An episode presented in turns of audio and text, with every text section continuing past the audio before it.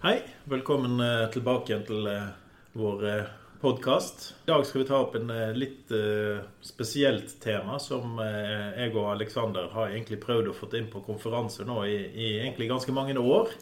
Men jeg tror vi har vært litt vel kontroversielle, så vi har egentlig ikke klart å få denne diskusjonen opp og gå. Så hva sier du, Aleksander? Hva er det vi skal snakke om i dag? Ja, så hvis vi nevner ordet utrulling og tanking av PC-er, så har man et veldig stort elsk-hat-forhold til, til temaet. Men eh, som du sa, Ola, vi har vel prøvd å få inn eh, emnet i sikkert fire eller fem år nå om hvorfor man skal slutte å installere og tanke maskiner. Um, og det ser ut som at vi endelig kanskje faktisk kan faktisk nå slutte å tanke maskiner. Ja. ja, for det har jo vært en stor uh, utgift for veldig mange IT-avdelinger, det med, med tanking.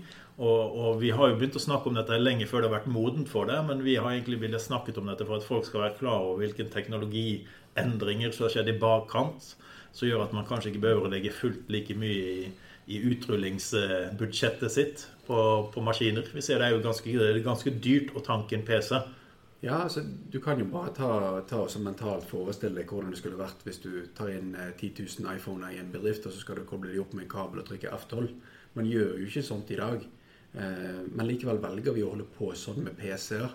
Eh, så det er en, det er jo en, måte å tenke på som egentlig bare må flyttes ifra hvordan har vi alltid gjort det, hvordan kan vi sikre det at det som er på enheten, er sånn som vi ønsker det, til å stole på det at produsenten leverer en sånn som vi vil at den skal gjøre det.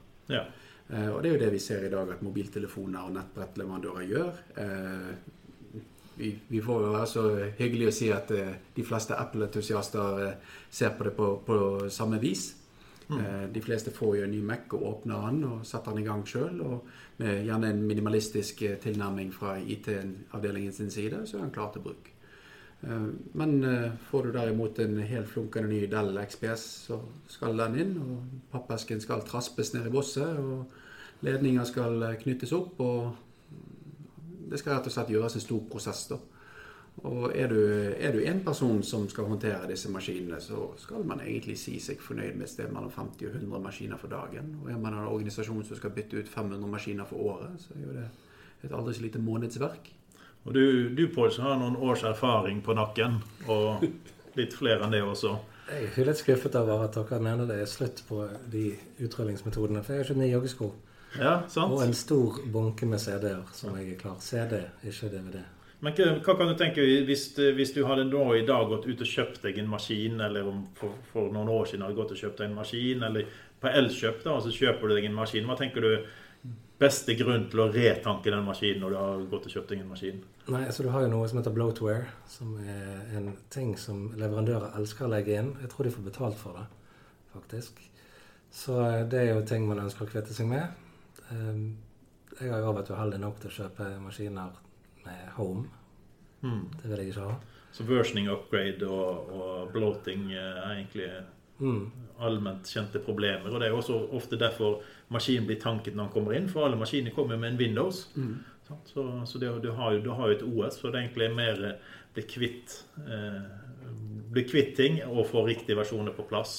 Og overraskende nok, for de som var borte i Surface Pro 4 når den var ny, så var det blant de første maskinene som kom med et Windows Hello-godkjent kamera. Denne virket ikke ut av boksen de første månedene. Du måtte faktisk vente ganske langt ut i produktets levetid før den begynte å virke. For det første du måtte gjøre, var å oppdatere driverne. Og hvis du har den tilnærmingen til andre maskiner, f.eks. du kjøper noe på Elkjøp, så kan du like gjerne ta og legge inn den siste versjonen av Windows og driver i samme handling. Mm. Mm. Men det har jo skjedd en del eh, på teknologisiden som skal hjelpe oss med den tankegangen 'why deployment doesn't matter'. Eh, så, så, så, vi kan jo nevne hva som egentlig må være et grunnlag for at eh, du skal kunne kutte ned på deployment-ressursene dine. da. Og da har vi jo kanskje noe sånn Eh, piloterende ting vi må tenke på, Aleksander? Ja. Um, Microsoft har de siste to årene ca. Eh, prøvd å ymte frampå Windows Autopilot. Der man uh, innrullerer maskinene i en, uh, faktisk i Microsoft Store. man innrullerer det i Business Storen, og maskinene blir da identifisert og tilhører din bedrift. Så det første som skjer når maskinen blir slått på for første gang, er at han eh, spør om internettilgang. Eh, For har du ikke nettverkskablet koblet inn, så må du koble på et trådløst nettverk. Det andre som skjer i hele prosessen, er at han spør fins det noen som eier meg. Og det avgjør om du vil få den standard eh, out of box-opplevelsen, eller om du får en autopilot-opplevelse. Og hele autopilot-opplevelsen er jo egentlig en eh, brukeropplevelse. Det er ikke så veldig mye som faktisk konfigureres per i dag, da. men det er, en, det er en helhetlig brukeropplevelse som hjelper brukeren å komme i gang med en bedriftsmaskin. Mm. Den ene tekniske utfordringen som jeg kan komme på sånn ut av hodet med autopilot, er jo den begrensningen at uh, til å begynne med så kunne han kun være Azure AD joined, men nå kan han være hybrid join. Men problemet er da at hvis du risetter en maskin som er hybrid join, så må han ha kontakt med domenekontrolleren. Uh, og hvis du da er utafor uh, firmaet sin eh, oppkoblingsområde, så vil du jo få et problem. da. Så det, det fungerer i dag veldig bra på Azure AD join, men eh, hybridjoiningen er eh, fortsatt litt problematisk. Det er jo i- beste fall utfordrende, da. Men eh, vi ser jo òg det du nevner med reset. Eh, En ting som har vært veldig gjengående, da, er jo eh, alternativ 1. Du tar i bruk en PC med en, en, en helt tilfeldig versjon av Windows på maskinen. Og du oppgraderer denne i, leve, altså i livssyklusen til, til maskinen. Og så må brukeren av en eller annen grunn reinstallere den til recovery-imaget som er på maskinen. Og da må du gjennomføre akkurat den samme oppgraderingen etter at du har kjørt en ristår. Men det har jo skjedd ting der. Ja, det har jo vært mye, mye som skjedd på den siden. Kjenner du til recovery-imaget nå, Pål? Det gjør jeg. Eh, Men først vil jeg bare si det at litt av grunnen til at disse tingene blir aktuelt, er fordi vi endrer måten vi jobber på.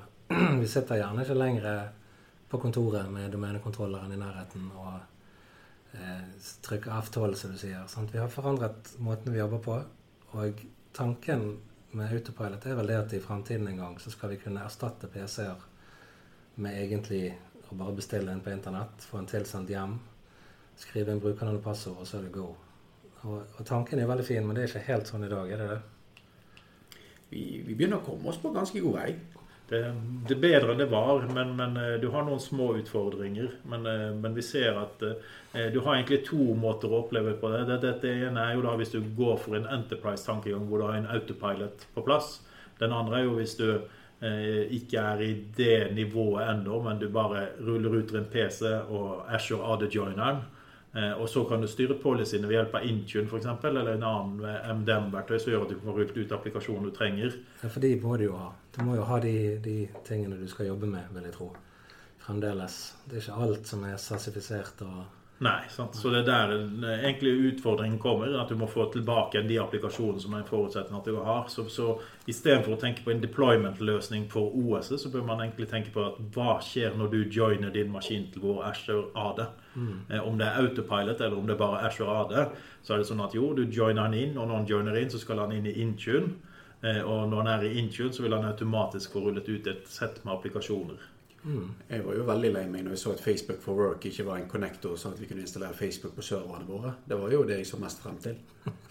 Ja, det, den ser jeg. Det, Tenk å få synkronisert sin egen bedriftsprofil fra Facebook og snurre og gå på serverrommet sitt. Det hadde vært veldig ålreit. ja, det er herlig. Det, det høres ut som det du trenger. Ja, oppgradere minst to ganger i timen og litt sånn. Mm. Ja. Men, men jo mer vi gjør sånne ting som dette, hva skjer da med den tradisjonelle IT-arbeideren som er vant til å sitte og trykke F12? Han vil få nye utfordringer. Altså Det vi ser, ser det er at det, er jo ikke behov for mindre IT-mennesker. Etter all den optimaliseringen og automatiseringen som har skjedd, så ser vi at det er jo fortsatt bare større og større behov. Eh, og det er fordi at man flytter litt av, eh, av de kriteriene for hva arbeidsdagen din skal bestå av. da. Så det blir gjerne ikke sitte og trykke F12, men eh, det blir kanskje mer fokus på at du skal hjelpe brukeren direkte og gjøre at brukeren har en bedre opplevelse der han sitter. Eller du sitter i bakkant og hjelper med automatiseringen og optimaliseringen der. Så vi skal ikke være redd for å miste jobbene våre med det første. Vi, vi kan jo snu på det på denne måten. da. Hvor mange bedrifter kjenner du som hadde RMS aktivert når RMS fortsatt var en on-premise-teknologi? Eh, Jeg kjenner noen, da. Ja, det var, det var veldig få. Ja, og i dag får man endelig frigjort ressurser fra å måtte trykke F12 til å faktisk konfigurere disse tjenestene og produktene som man egentlig burde hatt for 10-15-20 år siden. Ja, Nå tuller vi litt med F12, men det, det, er det var jo en periode der du bygget image. Du lagde eh, en god del forarbeid for at BSN skulle få applikasjonene sine og alt dette her. Sant? Men det, det, er klart at det endrer seg, det òg, som resten av bransjen. Det er, jo, det er, jo, faktisk en liten kuriositet at det er ikke mer enn fire år siden jeg hadde en sesjon på Microsoft Ignite i Atlanta som het 'Hold That Thought While I Deploy a Thousand Surface'. Mm. Uh, og det, det, var noe av det som fikk meg på den tanken. Uh, historien medhører jo da det at uh, det, var jo, det var jo ingen som skulle ha flere maskiner. Det var jo én bruker, og én maskin. Men når jeg fikk de 1000 maskinene inn på kontoret, så hadde jeg rett og slett ikke utsikt. det, det sto esker så langt du kunne se. Mm. Så, så, det handler jo litt om, om å optimalisere det. Når én bruker gjør en handling én gang, eller en IT-ansatt må gjøre en handling tusen ganger, så begynner man plutselig å få et helt annet syn på ting. Ja. Eh, vi begynte å snakke om dette recovery-imaget. Eh, og det som er ganske viktig med tanken her, det er at hvis vi ser på historisk sett, så var et recovery-image det var det som leverandøren hadde levert med på PC-en din. Eh, og det betydde da at hvis du gikk inn i recovery-modus, så tok du restore den XP-installasjonen med ServicePack 1 i en eh, Windows 7-verden. Men han hadde jo USB 1 til 2 i ServicePack 1, så det var godt nok det. Ja, du spøker, men det er ikke så lenge siden jeg plutselig hadde Windows 8 igjen, uten at jeg egentlig hadde tenkt gjennom det. Ja, for man brukte det innebygde recovery-imaget. Riktig. Og der, der, har det jo skjedd mye endringer Alexander, på hvordan det recovery-imaget ser ut i dag. Ja, i de senere versjonene av Windows så er det jo slik det at uh, det, er flere interessante ting med måten de vedlikeholder Windows og, og recovery-filene på. Den ene er jo det at Windows blir patchet, den versjonen av Windows du sitter på. Men de kjernefilene av Windows som du bruker for restore operativsystemet ved behov, er de samme filene som blir oppdatert. Mm. Og det er de samme filene som blir brukt hvis du velger i dag å benytte deg av Windows Sandbox. Mm. Så du bruker de samme Windows-filene til å skape en ny instans av Windows. Så patch den én gang og kjør den flere ganger. Ja, så det blir såpass enkelt at hvis, hvis du akkurat har oppgradert til 1903-versjonen av Windows 10, eh, og så må du ta en, eh, en restore, så vil du faktisk være på 1903. Du vil ikke være på den opprinnelige 1709 som maskinen ble levert med en gang i tiden. Sånt. Riktig. Og det er jo litt interessant å tenke på det at eh, 1703 blir jo End of Life nå veldig snart. Ja, neste år. Så det er jo ikke lang tid igjen å leve med den. Ja. Andre ting med filer og sånne ting? OneDrive? Ja, altså med lanseringen av 1809 Nei. Det var 1803, tenker du på? 1803, så fikk vi jo Files on Demand. Ja. Og det som har vært stort der, er jo det at uh, når brukerne laster opp uh, filene til OneDrive for Business, både Files on Demand så gjør det at ikke du må laste ned hele OneDriven din til en maskin som har altfor liten disk. Mm. Så har du i tillegg fått muligheten til at skrivebordet, Documents og Picture-folderen blir automatisk lastet opp til OneDrive. Så du, du kan faktisk kjøre en reset av PC-en med, med relativt stor trygghet for eh, de fleste viktigste filene til brukeren er tatt vare på fra før. Mm. Så, så, der ser vi faktisk at flere av verktøyene vi snakker om som må til for at det skal være på plass, er der allerede. Sånn som vi sier at du kan bruke Ashore AD Joining eh, in auto, eller en autopilot eller eh, tilsvarende teknologier. Og så må vi ha noe som pusher ut applikasjonene. Så har vi et godt recovery image, og så har vi OneDrive. Så da begynner vi å få en helhet i tingene. Og, og jeg vet ikke om dere har lagt merke til det at hvis dere tar en, en eh, recovery av PC-en, så får du en tekstfil på skrivebordet ditt når du er ferdig med recoveryen. Eh, har dere lagt merke til hva det står i den? Ja, hvis jeg ikke husker feil, så er jo det egentlig eh, Om du velger å wipe PC-en og reinstallere Windows uten å ta vare på data, så får du uansett en logg på skrivebordet med applikasjonen som ble fjernet. Yes, så der kommer vi litt tilbake til det du sa, Pål. Altså når du har refreshet PC-en din, så tenker du hvilken applikasjoner var det som jeg nå har gått glipp av. Så mm. husker du ikke navnet på dem, men du har faktisk denne filen som skal hjelpe deg til å komme videre. Så det, det, er et godt steg på retningen der også. Så vi ser kanskje ikke alt er helt perfekt og modent ennå, men vi ser at bit for bit for bit eh, kommer inn. Eh, og det kommer jo en helt ny ting eh, som, eh, som, skal hjelpe oss enda mer. Så Pål, kanskje du kan eh, si noe om eh, siste nyhetene her? Tenker du på Restore fra Cloud? Ja. ja. Det er jo der du kan restore OS-et, ikke fra din egen harddisk, men fra skyen. Ja, og det, det, ser vi i den nye bilden til Windows 10, så har vi jo sett previewene som er på den. Og da ser vi jo faktisk det at eh, når du tar refresh eh, eller recover på maskinen din, så har du plutselig cloud-alternativ. Mm. Ja, det er en utrolig artig, artig ting å, å, se. Og vi vet jo, Olav, at Microsoft har jobbet med dette en stund. Og tilfeldigheten bak det var jo at man skulle kjøre en restore med Surface Image. Hvis du logget på Microsoft sine nettsider og lastet ned recovery image til en Microsoft Surface, eh, noe du gjorde med å skrive inn serienummer til en enhet. Når du botet opp maskinen med recovery-stikken, så fikk du egentlig en helt ordinær Windows 10 installasjonsmedium, eller restore-medium, men du fikk en knapp ekstra, og det er den vi ser nå, eh, Download from Cloud. Ja. Så dette er noe vi ser de har jobbet med en stund. Ja, det har vært i bruk som du sier, på Surface eh, for å teste det ut. Og det har jo vært andre OS-er som har dette her, ikke, ikke, noe tvil om det. Men eh, hovedutfordringen her er jo at vi må tenke på at eh, Windows kjører på ganske mye hardware. Mm. Eh, ganske mye forskjellige BIOS-er. Og dette her er jo en UEFI-BIOS-oppdatering. Så det er egentlig det som gjør det mulig å få på plass, for at det må supporteres av UEFI BIOS-leverandører. Og det, Der sier du noe som veldig mange eh, nesten hopper litt over. Og det er også det at eh, ikke bare har vi nå fått muligheten til å la være å reinstallere maskiner med, med f.eks. MDT eller Systemsenter eller CD-plater, eller hvordan man velger å, å masseutrulle maskiner. Eh, du må jo også oppdatere UEFI-en på maskinene. Du er nødt til å oppdatere drivere, du er nødt til å oppdatere UEFI, og du er nødt til å oppdatere firmware på andre chipper som sitter i maskinene. Um, simple ting som det at man ønsker å ha downer from cloud-support, det krever jo f.eks. en oppdatering på maskinen. Og vi ser strømstyring som kommer i nye versjoner av Windows, krever dette. Mm. Så det å gå vekk fra tankesettet om at nå har vi installert maskinen, og den skal bli sånn i to år, den, den måten er, er en utfordring, får man si. Den, ja. Helt klart. Så, så det er my, mye skjer. Jeg tror nok den cloud, eh, cloud eh, restoren vil fungere uten en UFI BIOS oppgradering, men det er bare under forutsetning av at eh, OS-et ditt på harddisken fungerer sånn som det skal. Mm. Så hvis du har et kjørende OS, så kan du ta laste ned fra skyen, men da trenger du ikke å laste ned fra skyen.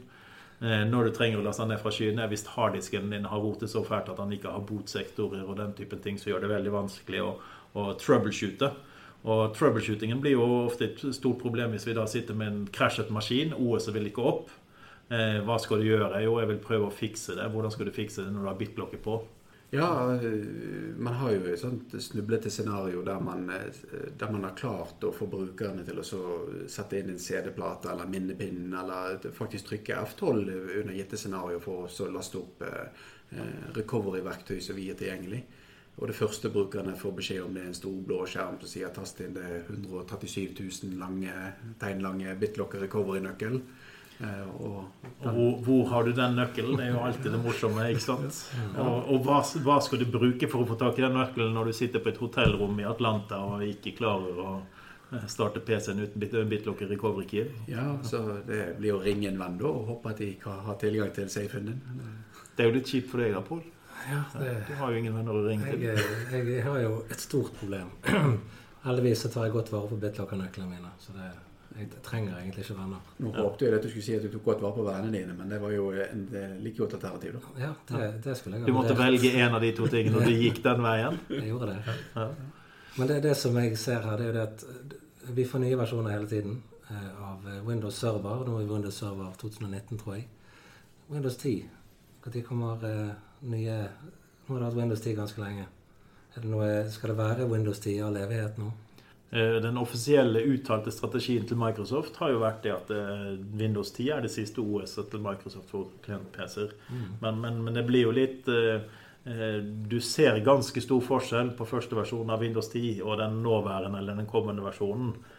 Så det er bare det at det går innenfor en familiegruppe, og at familien får en versjonsnummerering istedenfor at han bytter navn det er jo mange som har vært uh, usikre og sier at ja, de kommer til å holde på dette fram til de uh, må lansere en ny ting for å utløse nye lisensbestemmelser. Men man ser jo det at en Windows 10-lisens stort sett leveres med maskin, og den følger maskinen.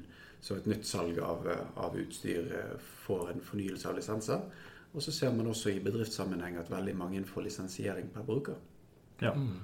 De lisensieres på mer SAS-tankegangen enn enn at du kjøper det direkte, sånn som man gjorde før.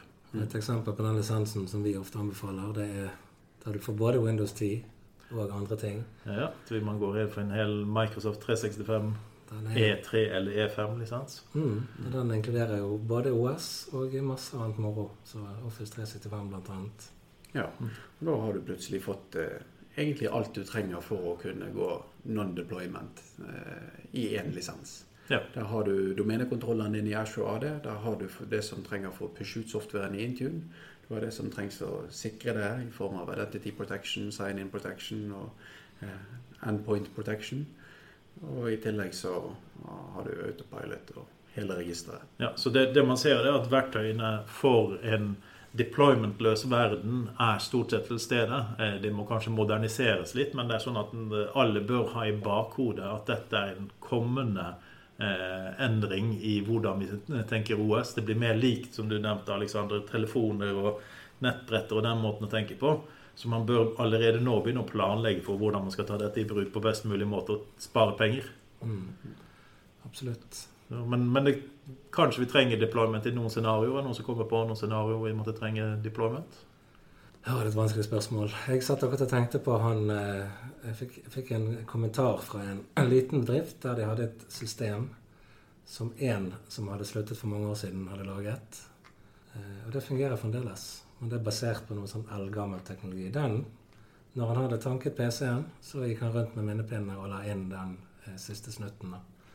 Jeg tenker han fremdeles holder på med det nå. At han har rullet ut eh, Windows 10 på alle PC-ene. Så har han sikkert det på minnepinnen sin. Ja, Mm. Så han har gjort eh, andre avhengige av seg selv og joggeskoene sine. Og så har han sluttet. Så har han sluttet, ja. ja, Mm, sant. ja. Og det er jo sånne scenarioer man vil prøve å unngå så godt man kan. Sant? Ikke låse deg inn til at du trenger Så vet man jo selvsagt det, det er ingen, ingen eh, IT-løsning som fungerer for alle. Eh, vi kan jo tenke, tenke lukkede nettverk, uavhengig av om det betyr av sikkerhetsmessige grunner eller båndbrennemessige grunner. Vi vet jo at de som arbeider på skip, f.eks., Mm. kan man få utfordringer med å rulle ut store løsninger når man har båndbredde som er ja, en floppy disk i hastighet. Ja, så det er rett og slett mer kontrollert enn Windows Update for å få den nyeste bilden. Ja. Så, så deployment-løsninger vil eksistere, men det vil være for spesielle behov, eh, sånn som jeg ser det. da. Ja. Veldig mange vil jo si at ja, men hva hvis harddisken din slutter å virke? Og da vil man jo si at i, i, i dagens moderne bærbare, altså ultraportable, det, som er den mest solgte løsningen, eh, så er det ikke alltid mulig å få ut harddisken. Så hvis harddisken ikke virker, så må du likevel sende den inn. Eh, Og firmamessig så er det også sånn at hvis eh, PC-en går så i stykker at ikke harddisken virker, så skal den også sendes inn. Så det er ikke det ditt problem lenger å få et OS tilbake på den harddisken som måtte ligge der. Og da er du tilbake til, til dette med Microsoft 365. Der eh, gå inn og kjøp deg en PC som eh, passer minimumskravene til bedriften. og Du melder den inn med autopilot og følg prosessen, og filer dine tilbake med OneWay for Business og applikasjoner på plass med Intune. Så Noen leverandører har jo faktisk begynt med PC as a service. altså At de, de, de betaler for å få leve, levert en boks, og alt skal virke. Og når den boksen ikke virker, så får du da en ny boks, og så skal du ta det videre. Så det er ikke din garantisak lenger. Det, det er bare at du, du forutsetter at du får en PC som virker i livstiden han skal ha. Og hvis noe skjer underveis, så blir han dekket som, som en service eh, hele veien under. Mm. Og når alt annet feiler, så har du webapplikasjonene til Office 365, sant? Ja. Ja. Sant? Og det er litt av tingen der, og der har du bakdøren. Og vi har jo også da Windows eh, Desktop Services. Ja, virtuelle tjenester. Og det finnes veldig mange gode erstatninger nå. Så, så det man ser i hvert fall er at eh, å installere et eh, komplisert og rigid tankesystem i dag er gjerne ikke det jeg vil ha. Med 400 000 GPO-er. Ja. ja, så man, man, man, har, man har det i bakhodet, i hvert fall at eh, du har en løsning i dag, men på et eller annet tidspunkt så må du kanskje tilpasse deg hvordan den nye verden har blitt med modernisering av utrulling eller refreshing av PC, som kanskje blir den moderne tingene, tingene å tenke. Istedenfor deployment så må vi tenke på refreshing. Ok, Yes. Ja, har vi nok for i dag? Masse gode råd her, ja. Ja. Flere kommer det i neste podkast. håper vi. Kanskje. Ja.